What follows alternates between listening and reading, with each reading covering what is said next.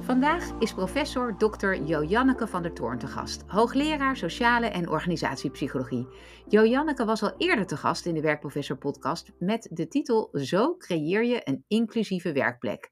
Toen spraken we haar over het creëren van een inclusieve werkplek. In deze aflevering vertelt Joanneke over haar nieuwe handreiking Exitgesprekken, een schat aan informatie. Over de waarde van exitgesprekken voor verdieping van diversiteit en inclusiebeleid. Een hoop ingewikkelde woorden, maar daar gaan we dus vandaag heel erg diep induiken. Wat is dat precies en hoe kan je daar zelf beter handen en voeten aan geven? Organisaties hebben nu namelijk te weinig oog voor de vertrekredenen van medewerkers. Terwijl die kunnen duiden op een gebrek aan inclusie en sociale veiligheid op de werkvloer. Door hier niet naar te vragen in exitgesprekken laten ze kansen liggen om cruciale kennis op te doen over dit thema blijkt uit nieuw onderzoek van de Universiteit Utrecht, SER Diversiteit in Bedrijf en de stichting Inclusie NL. Mijn naam is Wendy van Ierschot. Je luistert naar de Werkprofessor podcast. Welkom Janneke. Dankjewel. Leuk dat je er bent. Ook fijn om je weer te spreken na zo'n lange tijd. Uh, wat was de aanleiding om dit onderzoek te doen naar exitgesprekken? De aanleiding is een grootschaliger onderzoek naar diversiteit en inclusie in Nederlandse organisaties. Waarin we kijken uh, hoe diversiteit nou vorm krijgt in organisaties. Hoe houden organisaties mensen uh, van verschillende achtergronden binnen? En hoe halen ze ze binnen en hoe houden ze ze vast eigenlijk? En hoe zorgen ze dat medewerkers het gevoel hebben dat ze erbij horen en zichzelf kunnen zijn op de werkvloer? Kan je nog even uitleggen waarom dat ook weer belangrijk was? Ik bedoel, we weten het allemaal wel en niemand zal zeggen, ja, ik vind het niet belangrijk. Maar toch uh, zien we wel een verschil tussen wat mensen erover zeggen uh, en wat ze daadwerkelijk doen. Dus misschien is het nog goed om even te benadrukken waarom dat zo belangrijk is. Nou, je ziet toch wel dat veel organisaties eigenlijk ingericht zijn op een uh, bepaald type persoon. Uh, in veel contexten zijn dat mannen, witte mannen, heteroseksuele witte mannen. Uh, en dat diversiteit ja, daarin, in wie werkt waar en hoe zorgen we dat we alle talent en potentieel benutten, nog een uitdaging is voor organisaties. Vaak vergt dat echt beleidsaanpassingen. Hè? Er moet echt iets veranderen in hoe een organisatie is ingericht. En niet alleen maar dat mensen zich bewust zijn dan dat het belangrijk is om uh, dat iedereen erbij hoort, bijvoorbeeld. Ja, omdat als we dus die verschillende gezichtspunten in de organisatie goed mengen, dat uiteindelijk blijkt uit onderzoek dat er gewoon betere resultaten worden behaald, toch? Ja, dat is een van de redenen, maar ook dat het heel belangrijk is dat, uh, dat mensen uh, eerlijke kans krijgen om mee te doen op de arbeidsmarkt. Er zijn allerlei motieven om diversiteit en inclusie te willen faciliteren. Maar inderdaad ook omdat ja, als mensen erbij horen en zichzelf voelen op het werk, ze fijner werken en dus ook beter werken. En juist nu is dat natuurlijk, uh, nu technologie zoveel kan overnemen, hebben we juist nodig dat mensen hun volle potentie zeg maar, kunnen leven op de werkvloer. Ja. Um, je zei al even van het is onderdeel van een groter en breder onderzoek. Um, uiteindelijk hebben jullie gekozen om in verschillende richtingen uh, in te duiken. Hè. Jullie hebben ook uh, volgens mij vorig jaar hebben jullie ingezoomd op draagvlak voor uh, diversiteit en inclusiebeleid. Kun je daar nog even de hoofdpunten uit benoemen? Ja, zeker. want wat we inderdaad zien in ons onderzoek, hè, we kijken dan ten eerste naar wat de organisaties die bij Charter Diversiteit zijn aangesloten, wat ze precies allemaal doen aan beleid. Wat is Charter, Charter Diversiteit? Wat is dat? Ja, Charter Diversiteit, dat is een, uh, een groep organisaties die echt de schouders wil zetten onder diversiteitsbeleid in de organisatie. En daartoe zelfs een, een charter heeft ondertekend, dat door de SER is uh, ingezet om ja, om, om daar ook met hen samen aan te kunnen werken. Dus het is niet alleen maar een intentie, maar ook monitoring en ja, uitwisseling zeg maar, van, van aanpak.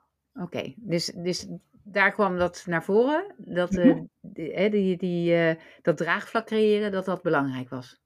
Ja, uit ons onderzoek komt eigenlijk naar voren dat veel organisaties vooral aandacht hebben voor wat wij noemen het begin van de employee journey. Dus het, uh, als je binnenkomt in de organisatie, hè, van, via werving en selectie. En uh, inclusie, dus als je daar eenmaal werkt, hoe je dan de werkvloer ervaart.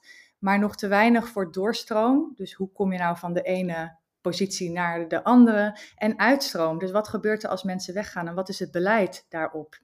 Uh, en uitstroom is wat we dus in die handreiking onder de loep nemen. Van nou, hoe kan je nou via exitgesprekken meer inzicht krijgen in hoe je organisatie in elkaar zit en ervaren wordt. En dat, die ervaring ja, verbeteren. Dus hoe zet je de ervaringen van vertrekkende medewerkers ook weer in om je organisatie te verbeteren?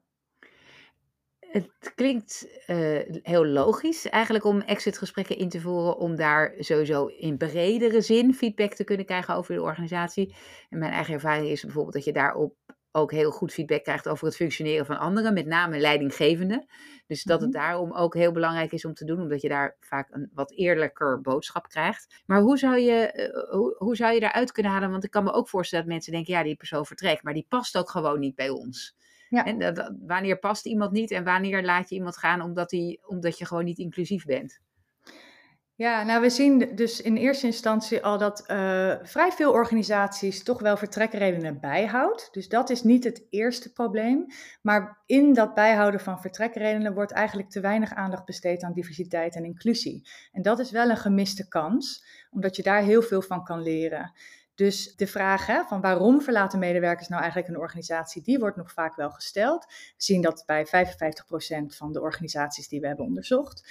Maar uh, er wordt maar in 15% van de gevallen gevraagd of medewerkers zich dan ook geïncludeerd hebben gevoeld bij de organisatie. 10% van de gevallen worden de vertrekredenen bijgehouden van specifieke groepen medewerkers. Dus dat je ook weet van hè, er zijn misschien uh, bepaalde groepen medewerkers die sneller weggaan of vaker weggaan of misschien wel om andere redenen.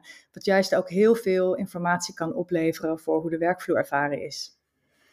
Eh, hoe hebben jullie dat onderzoek aangepakt? Want als je zegt 15% Hè, uh, geeft aan, of, of 15% vraagt maar naar, eh, heb je je geïncludeerd gevoeld?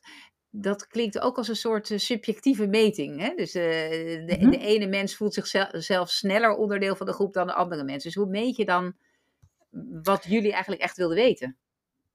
Ja, nou, het zegt natuurlijk wel wat. Hè? Als mensen zelf aangeven van ik heb me niet uh, uh, geïncludeerd gevoeld of ik heb me er niet bij voelen horen, dan is dat wel hun beleving en zal dus op die manier ook invloed hebben op het werk. Tegelijkertijd kan je ook, juist door groepen met elkaar te vergelijken, uh, kan je dus zien of die ervaring anders is, afhankelijk van bijvoorbeeld je gender of je etnische achtergrond. En dat zegt wel iets over hoe die organisatie is ingericht als je grote verschillen tussen groepen medewerkers ziet wij deden dit onderzoek natuurlijk bij een steekproef van de Nederlandse arbeidsmarkt. Hè. Niet alle organisaties in Nederland hebben meegedaan, maar uh, de Monitor Charter Diversiteit, waar dus uh, onderzoek wordt gedaan bij ondertekenaars, of, uh, ja, ondertekenaars van het Charter Diversiteit, een bedrijf dat zijn honderden organisaties in Nederland. Daar worden dit soort dingen uitgevraagd en kunnen we dus iets over zeggen. En uh, met de Nederlandse inclusiviteitsmonitor, op dit moment zijn dat 60 deelnemende organisaties, hebben we dan nog weer dieper doorgevraagd over wat organisaties dan precies doen in hun beleid. Om, om dus nog meer uh, ja, die analyse te kunnen doen. Even een tussen, vraagje tussendoor. Stel dat ik zit te luisteren en ik werk bij een uh, wat grotere organisatie. Of ik denk, ja, ik wil eigenlijk ook wel aan zo'n Nederlands onderzoek meedoen. Kan ik me nog ergens opgeven of aanmelden? Of hoe zit dat? Jazeker, dat kan bij uh, www.nederlandseinclusiviteitsmonitor.nl. Ja. Uh, en daar kan je meer informatie vinden en ook meedoen aan het onderzoek. Uh, en door het Charter Diversiteit te ondertekenen, kom je ook meteen in een hele grote groep organisaties terecht die ja, dezelfde uitdagingen kennen. En dan krijg je van jullie die vragenlijsten opgestuurd van willen jullie dit vragen in je exitgesprek. Ja. Dus het helpt je ook meteen om, om het beter te gaan doen. Ja, en bij de Nederlandse inclusiviteitsmonitor kijken we naast het beleid ook naar medewerkerservaringen. Dus op termijn, hè, hoe meer data we verzamelen, hoe uh, meer we ook kunnen kijken hoe het beleid samenhangt met ervaringen op de werkvloer en eventuele verschillen tussen uh, verschillende groepen medewerkers. En kan iedere organisatie zich aanmelden of moet je eerst een minimum grootte hebben? Nou, bij Charter Diversiteit wel. Bij de Nederlandse inclusiviteitsmonitor is het wel belangrijk dat er surveyonderzoek uitgevoerd kan worden onder medewerkers. En dat betekent dat je wel een paar honderd medewerkers moet hebben. Oh ja, oké. Dat is vanwege onze specifieke aanpak. Maar dan kan je wel terecht bij charter diversiteit. En de inzichten die we genereren met het project, die zijn ook zeker relevant voor kleinere organisaties.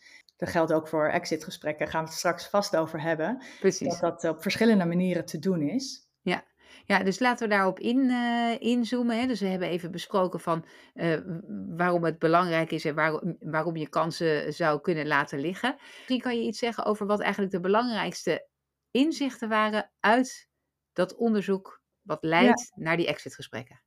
Ja, nou voor mij was eigenlijk wel interessant waarom uh, organisaties het niet doen. En dat is toch wel vooral ook uit anekdotisch materiaal en interviews die we hebben gedaan met uh, deelnemers aan ons onderzoek. Dat je ziet dat werkgevers bijvoorbeeld zeggen van ja, hè, medewerkers, gaan, medewerkers gaan toch al weg. Dus uh, waarom zou je ze dan nog vragen waarom ze weggaan of hoe ze de werkvloer hebben ervaren? Of dat organisaties zeggen van nou, ons D&I-beleid is sowieso nog maar in, staat in de kinderschoenen. Dus we gaan eerst naar die werving en selectie kijken en dan gaan we wel eens die andere onderdelen van ons HR-beleid onder de loep nemen. Terwijl je eigenlijk juist via die exitgesprekken die interessante inzichten kan, uh, kan identificeren om na te denken over hoe je misschien ook iets aan je werving en selectie zou kunnen aanpassen. Want als bepaalde groepen medewerkers eerder weggaan, terwijl je ze wel hebt binnengehaald, dan, ja, dan gaat er blijkbaar iets mis in die organisatie. Dan heb je misschien uh, de verkeerde verwachtingen gewekt aan de voorkant. Dan is er misschien wel iets tegengevallen. Dus dat zegt ook juist iets over die andere fase in het proces van je beleid. Dat was voor mijzelf eigenlijk een hele interessante. Um, wat verder uit ons literatuuronderzoek bleek, wat ik ook heel interessant vond, want zo had ik er zelf nog niet naar gekeken, is dat je niet alleen maar interessante inzichten over ervaringen ophaalt, maar dat uh, exitgesprekken ook echt een kans zijn om een visitekaartje mee te geven. En mensen zijn dan bij wijze van spreken ambassadeur van de organisatie als ze weggaan en ze hebben nog een positieve ervaring gehad, ze zijn nog een keer gehoord over hun ervaringen, dan komen ze misschien nog wel eens een keer terug. Of ze uh, maak reclame voor je organisatie. Dus dat zijn weer van die extra dingen die ik zelf nog niet zo duidelijk op het netvlies had en waar we achter kwamen toen we de literatuur indoken. En ja, daarnaast uh, eigenlijk ook hè, van hoe kan je dan dat dan het beste doen? En hoe zorg je ervoor dat inzichten uit die exitgesprekken ook weer doorvertaald worden naar de rest van je beleid? Dus als je bijvoorbeeld denkt aan dat, eh, die werving en selectie, dat instroombeleid, nou dan is het heel erg denk ik uh, goed om te kijken van zijn de verwachtingen van werknemers dan uitgekomen? Kunnen we daar in die exitgesprekken achterkomen? Uh, maar ook bijvoorbeeld, ja, misschien is een reden dat mensen weggaan dat ze steeds toch tegen een plafond aanlopen. En dat je dus je doorstroombeleid onder de loep moet nemen. Want zijn het dan de kansen die er misschien niet zijn voor mensen? Of is het het, hè, dus dat er überhaupt gewoon geen doorstroommogelijkheden zijn? Of is het het gevoel van mensen dat ze over worden geslagen, dat andere mensen wel kansen krijgen en uh, zij niet? Uh, nou, dat soort inzichten kan je dan ook weer terugkoppelen naar uh, je selectiecriteria of je processen voor doorstroom. En hetzelfde geldt natuurlijk voor je inclusiebeleid. Als je inderdaad ziet dat mensen het gevoel hebben dat ze niet bij de organisatie horen. Of dat ze daar op de een of andere manier in een mal gedrukt worden waar ze zich niet goed bij voelen en daarom het elders uh, zoeken. Dan, uh, dan moet je daar iets mee als organisatie. Ja, dus het kan eigenlijk door juist aan het einde te meten, ja. kun je eigenlijk heel veel zien over hey, waar in het proces kunnen we dingen verbeteren. En ja. uh, met name wat ik ook uh, van jou meeneem, is dat je die exitgesprekken weer kunt groeperen in groepen. Van zie ik dan in de vergelijkbare groepen vergelijkbare antwoorden, wat ja. een versterkend signaal zou moeten zijn voor je eigen beleid. Ja, en ik denk dat iets anders nog, uh, wat ik zelf ook nog niet zo heel duidelijk op mijn netvlies had toen we aan dit onderzoek begonnen, is de meerwaarde van nou, je uitstroombeleid, kijken we hè, naar de meerwaarde van exitgesprekken, om die eigenlijk ook al te verwerken in, onder de, uh, ja, in hoe je onderzoek doet binnen de organisatie, onder de zittende medewerkers. We zijn vaak geneigd om, als we het vragen naar de ervaringen van medewerkers, om te vragen waarom, nou, hoe ze de werkvloer ervaren. We vragen vaak niet wat zouden nou redenen kunnen zijn dat je weg, zou gaan bij de organisatie? Of wat zijn nu juist de redenen dat je hier blijft? Dus ook eigenlijk gewoon die, die mindset van je exitgesprekken in het medewerkerstevredenheidsonderzoek bijvoorbeeld uh, verwerken, kan ook al heel veel opleveren. Het is net een, een nuance, denk ik. Maar dat kan je ook iets vertellen over hoe je misschien ja, je organisatie anders kan inrichten. Want als iedereen zegt van nou, hè, ik zit hier eigenlijk nu best op mijn plek. Ik heb bijvoorbeeld heel veel ontwikkelkansen. Maar ik denk wel dat als ik weg zou gaan, dan zou dat zijn omdat ik tegen een bepaald plafond aanloop. Dan is dat hele relevante informatie. Want dan moet je misschien nadenken over, goh, geven we hier dan eigenlijk wel genoeg mogelijkheden voor mensen? Of zouden we misschien eens moeten kijken hoe we dan onze organisatie anders kunnen structureren? Precies, of zien ze over jaren heen een duidelijk ontwikkelpad van, oké, dit is de route die hier, hier een beetje kan lopen. Ja. Hoe zou je het aanpakken eigenlijk, zo'n exit? Welke stappen zou je moeten zetten? Stel, je hebt nu nog geen exitgesprekken of je doet het, wat, wat, wat ook vaak gebeurt, hè? de ene keer wel, de andere keer niet, afhankelijk van of je er tijd voor hebt en eraan gedacht hebt. Um, wat, zou, wat zou een gestructureerde aanpak betekenen? Hoe ziet dat eruit? Ja, nou ik denk dat het belangrijk is om goed na te denken over welke methode zou passen. Hè? Dus de, de aanbeveling uh, voor exitgesprekken is wellicht weer, die je persoonlijk voert, is weer anders dan voor uh, exit surveys bijvoorbeeld. Beide zijn natuurlijk manieren om uh, vragen te stellen. Maar ik kan me voorstellen dat uh, als je een hele grote uh, organisatie hebt met heel veel verloop, dat je dan niet persoonlijke gesprekken met iedereen kan voeren. En dat je dan kiest voor een vragenlijst. En misschien kies je er dan wel voor om één keer per jaar een vragenlijst uit te zetten onder alle mensen die het afgelopen jaar zijn weggegaan. Kan je dus ook relatieve anonimiteit of in elk geval vertrouwelijkheid borgen. Heb je een kleinere organisatie, dan is een survey denk ik, te beperkt, omdat je toch die anonimiteit niet kunt borgen. Uh, dus je net zo goed een gesprek kunt voeren en je daarin dus ook nog meer dat persoonlijke kunt leggen. dus het heeft voordelen omdat het nog meer voelt als dat er naar je geluisterd wordt en je kunt nog wat meer nuance aanbrengen in je antwoorden. Ja, en je kan ook doorvragen als werkgever als je denkt van ja, wat bedoel je dan eigenlijk precies? En je kunt ook bevestigen of niet hè? en nog zeggen, oh goh, wat vervelend. Of misschien zijn het ook wel positieve dingen van, oh wat goed te weten dat je om die reden naar dat andere, die andere organisatie wilt. Dat is voor ons iets om misschien ook te ontwikkelen. Het hoeft natuurlijk niet altijd negatief te zijn wat er dan naar boven komt. Dus daar, daar kan ik me voorstellen dat je daar eerst over nadenkt. En er zijn voor- en nadelen, voor, beide uh, methoden. En ook denk ik wie, wie uh, de data verzamelt.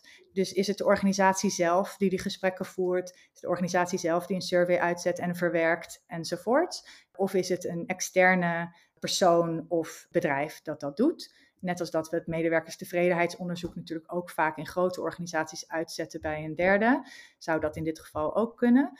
Daar, daar kunnen redenen voor zijn om dus misschien die anonimiteit te willen waarborgen. Ofwel uh, omdat je denkt, uh, dan zijn mensen misschien ook eerlijker, hè? zeker als het om, om negatieve redenen weggaan. Maar misschien heb je daar weer iets minder het voordeel van dat ambassadeurschap mee. Dat dat het dan voor de vertrekkende medewerkers ook niet voelt alsof die organisatie echt met hen spreekt, maar dat het dus die derde partij is. Dus dat zijn allerlei dingen, denk ik, die je dan kunt, uh, eerst kunt afvragen. Uh, en vervolgens is het heel belangrijk om uh, medewerkers voor te bereiden, dus aan te geven dat, dat het eraan komt hè, dat, en waarom je dat dan doet. Wat is het doel van het gesprek? Is dat omdat je nog even gewoon benieuwd bent? Of is het inderdaad omdat je daar dan echt iets mee wilt uh, in je organisatie? Dus ik denk hoe je dat communiceert uh, is heel belangrijk. En als je inderdaad al aangeeft van, hè, nou wij, wij willen hier echt van leren en wij gaan hier ook echt iets mee doen binnen onze organisatie, dan neem je mensen ook serieus. Uh, dus dat is heel belangrijk. Maar dat geldt natuurlijk voor elk onderzoek dat je uitzet in de organisatie. Het is denk ik ook echt goed om te vragen naar motieven en beweegredenen voor het vertrek.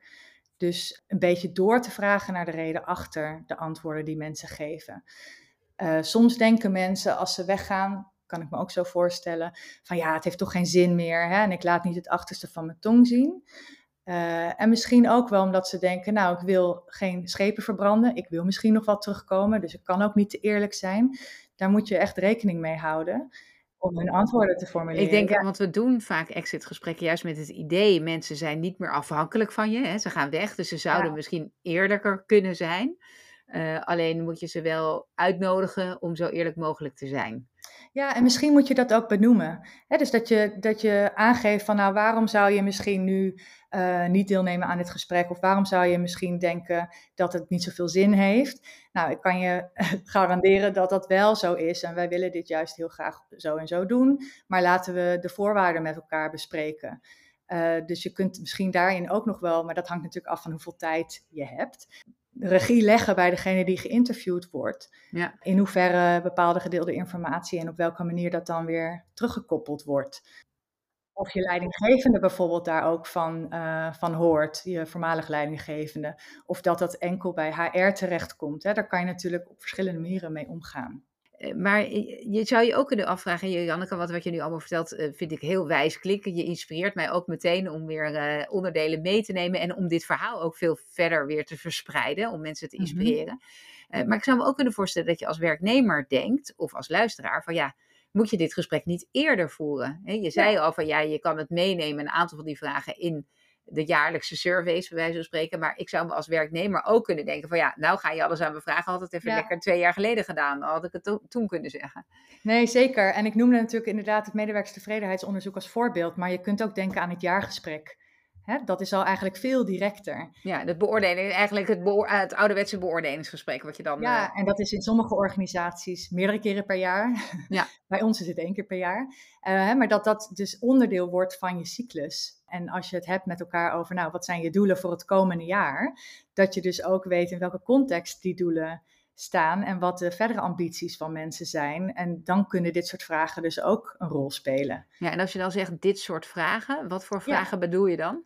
Nou, we geven inderdaad uh, voorbeeldvragen in, het, uh, in de handreiking. Dus bijvoorbeeld, uh, wat heeft je doen besluiten om te vertrekken? Of wat trekt je aan in je nieuwe baan? Hadden we je vertrek kunnen voorkomen? Dat zijn allemaal vragen die je zou kunnen stellen aan vertrekkende medewerkers. Maar ook als het gaat om doorstromen, hè, wat, wat, vond je van de ontwikkelmogelijkheden? Kreeg je dezelfde kansen als je collega's om je te ontwikkelen, et cetera? En die zou je dus ook een beetje kunnen aanpassen en gebruiken om uh, informatie op te halen bij je zittende medewerkers. Dus bijvoorbeeld die vraag die ik net al noemde: van wat zouden mogelijke redenen zijn om in de toekomst weg te gaan?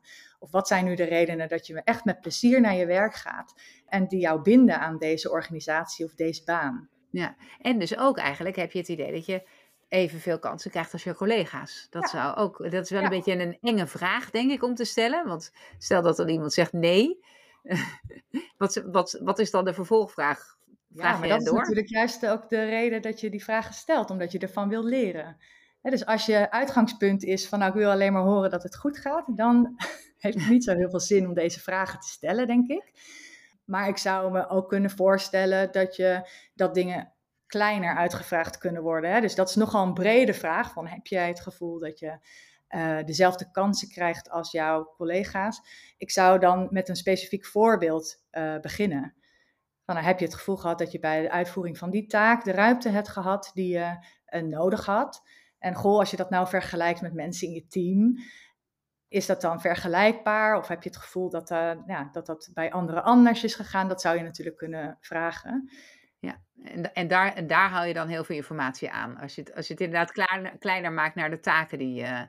Dat zou ik me dan kunnen voorstellen, dat je het wel concreet maakt. En ik denk ook van, je hoeft niet al die vragen elke keer uh, te stellen. er kunnen redenen zijn om te denken, god, deze keer ben ik toch wel benieuwd hoe het op dit vlak uh, ervaren is en is dit relevant. Kijk, als iemand net promotie heeft gemaakt bijvoorbeeld, dan vraag je vooral door naar hoe dat is gegaan en of dat heeft opgeleverd wat diegene daarvan uh, verwacht had. En ga je misschien het niet hebben over de volgende carrière stap, terwijl iemand die al wat langer in de huidige positie zit, zou je dat bijvoorbeeld wel vragen. Ja. Dus wat dat betreft, het blijft natuurlijk maatwerk, maar we geven wel een aantal uh, ja, voorbeeldvragen om, eh, om, ja, de richting aan te geven en een beetje te inspireren. Um, als je kijkt naar dit geheel, hè, wat zijn de valkuilen die ondernemers zouden kunnen hebben of doen tijdens een gesprek of leidinggevende? Wat, wat is de valkuil? Uh, toch wel het afvinken van best practices, denk ik. dus dat het toch weer, wat we heel veel zien bij diversiteits- en inclusiebeleid, uh, dat er wordt gedacht, oh, als we gewoon dit doen, dan is het goed. Terwijl het heel erg gaat over het zijn van een lerende organisatie. Dus dat zo'n actie, in dit geval die exitgesprekken, passen binnen de cyclus van je HR-beleid. Eh, en je dus ook echt iets doet met die informatie. En niet alleen maar zegt, oh ja, dat doen we hoor, exitgesprekken. En als je dan doorvraagt van, oh nou interessant, wat, wat doe je dan vervolgens met de resultaten? Oh ja, dat blijft dan vaak liggen. dat is dan een rapport en dat is, wordt de kennisgeving aangenomen. Maar dat wordt niet vervolgens weer gebruikt als basis voor het aanpassen van beleid of het formuleren van nieuw beleid. Dat is denk ik de grootste valkuil. Ik zou me ook kunnen voorstellen dat juist als je een lerende organisatie bent, in die zin, hè, dus dat je telkens bezig bent om te verbeteren, dat dat sowieso organisaties zijn die ook wat inclusiever zijn, omdat je ook bezig bent met elkaar de hele tijd kijken van, hé, hey, wat kan hier beter? Is dat ook zo of, of is dat uh, nonsens wat ik zeg? Ja, dat is een goede vraag. Dat kunnen we nu niet uh, beantwoorden, omdat we inderdaad niet dat vergelijkende onderzoek doen met organisaties die niet meedoen aan ons onderzoek. dus dat is uh, natuurlijk de selectie. Uh, maar als we kijken naar de organisaties die, uh, die meedoen, dan kunnen we wel stellen dat ook daar nog heel veel uitdagingen zijn. Hmm, dus het zijn wel, denk ik, organisaties die uh, billen bloot durven te gaan, hè, die echt geïnteresseerd zijn om erachter te komen hoe goed of slecht ze het eigenlijk doen. Dat is echt, ja, te, daar mogen ze heel trots op zijn, denk ik. Maar dat betekent niet per se dat deze organisaties het allemaal heel erg goed doen. Nou ja, goed, en dat is natuurlijk ook wel weer meteen de reden dat ze zoeken naar houvast hè, en naar uh, handreikingen zoals deze. Precies, zoals deze. Nou, ik denk, Jojanneke, we zitten alweer bijna aan het einde van de podcast. Ik denk dat je hele duidelijke, nuttige handreikingen hebt gegeven. Als je nou als afsluiting mag zeggen, wat is voor jou de belangrijkste boodschap die je zou willen dat luisteraars onthouden? Of in ieder geval morgen iets mee doen? Neem eerst eens je eigen uitstroombeleid onder de loep. Dus kijk eens, wat gebeurt er nu met mensen die vertrekken? En hoe communiceer je met hen? En als je dat in kaart uh, hebt, dan kan je kijken, hè, wat staat er dan in deze handreiking? En goh, hoe ver zitten we daar dan van af? Welke kleine stappen kunnen we zetten om iets dichter in die buurt te komen? Dat zou ik denk ik doen. In plaats van niet eerst zelf kijken wat je doet en meteen proberen het allemaal te implementeren. Nou, dat klinkt als lekker praktisch. Daar houden we van bij de Werkprofessor podcast. Dankjewel. We zullen zorgen dat in de show notes in ieder geval even de juiste linkjes staan naar de uh, dingen die jij al hebt aangegeven die nuttig uh, zijn. Heel veel dank Janneke voor jouw onderzoek. Dat je hier onderzoek naar doet waar wij dan weer mee verder kunnen in onze bedrijven. Dankjewel voor je tijd. Graag gedaan. En voor de luisteraars, mocht je ideeën hebben, suggesties of opmerkingen, laat het me weten op wendy apenstaartje vpeople.com en V schrijf je met V-I-E. Dankjewel en tot de volgende keer.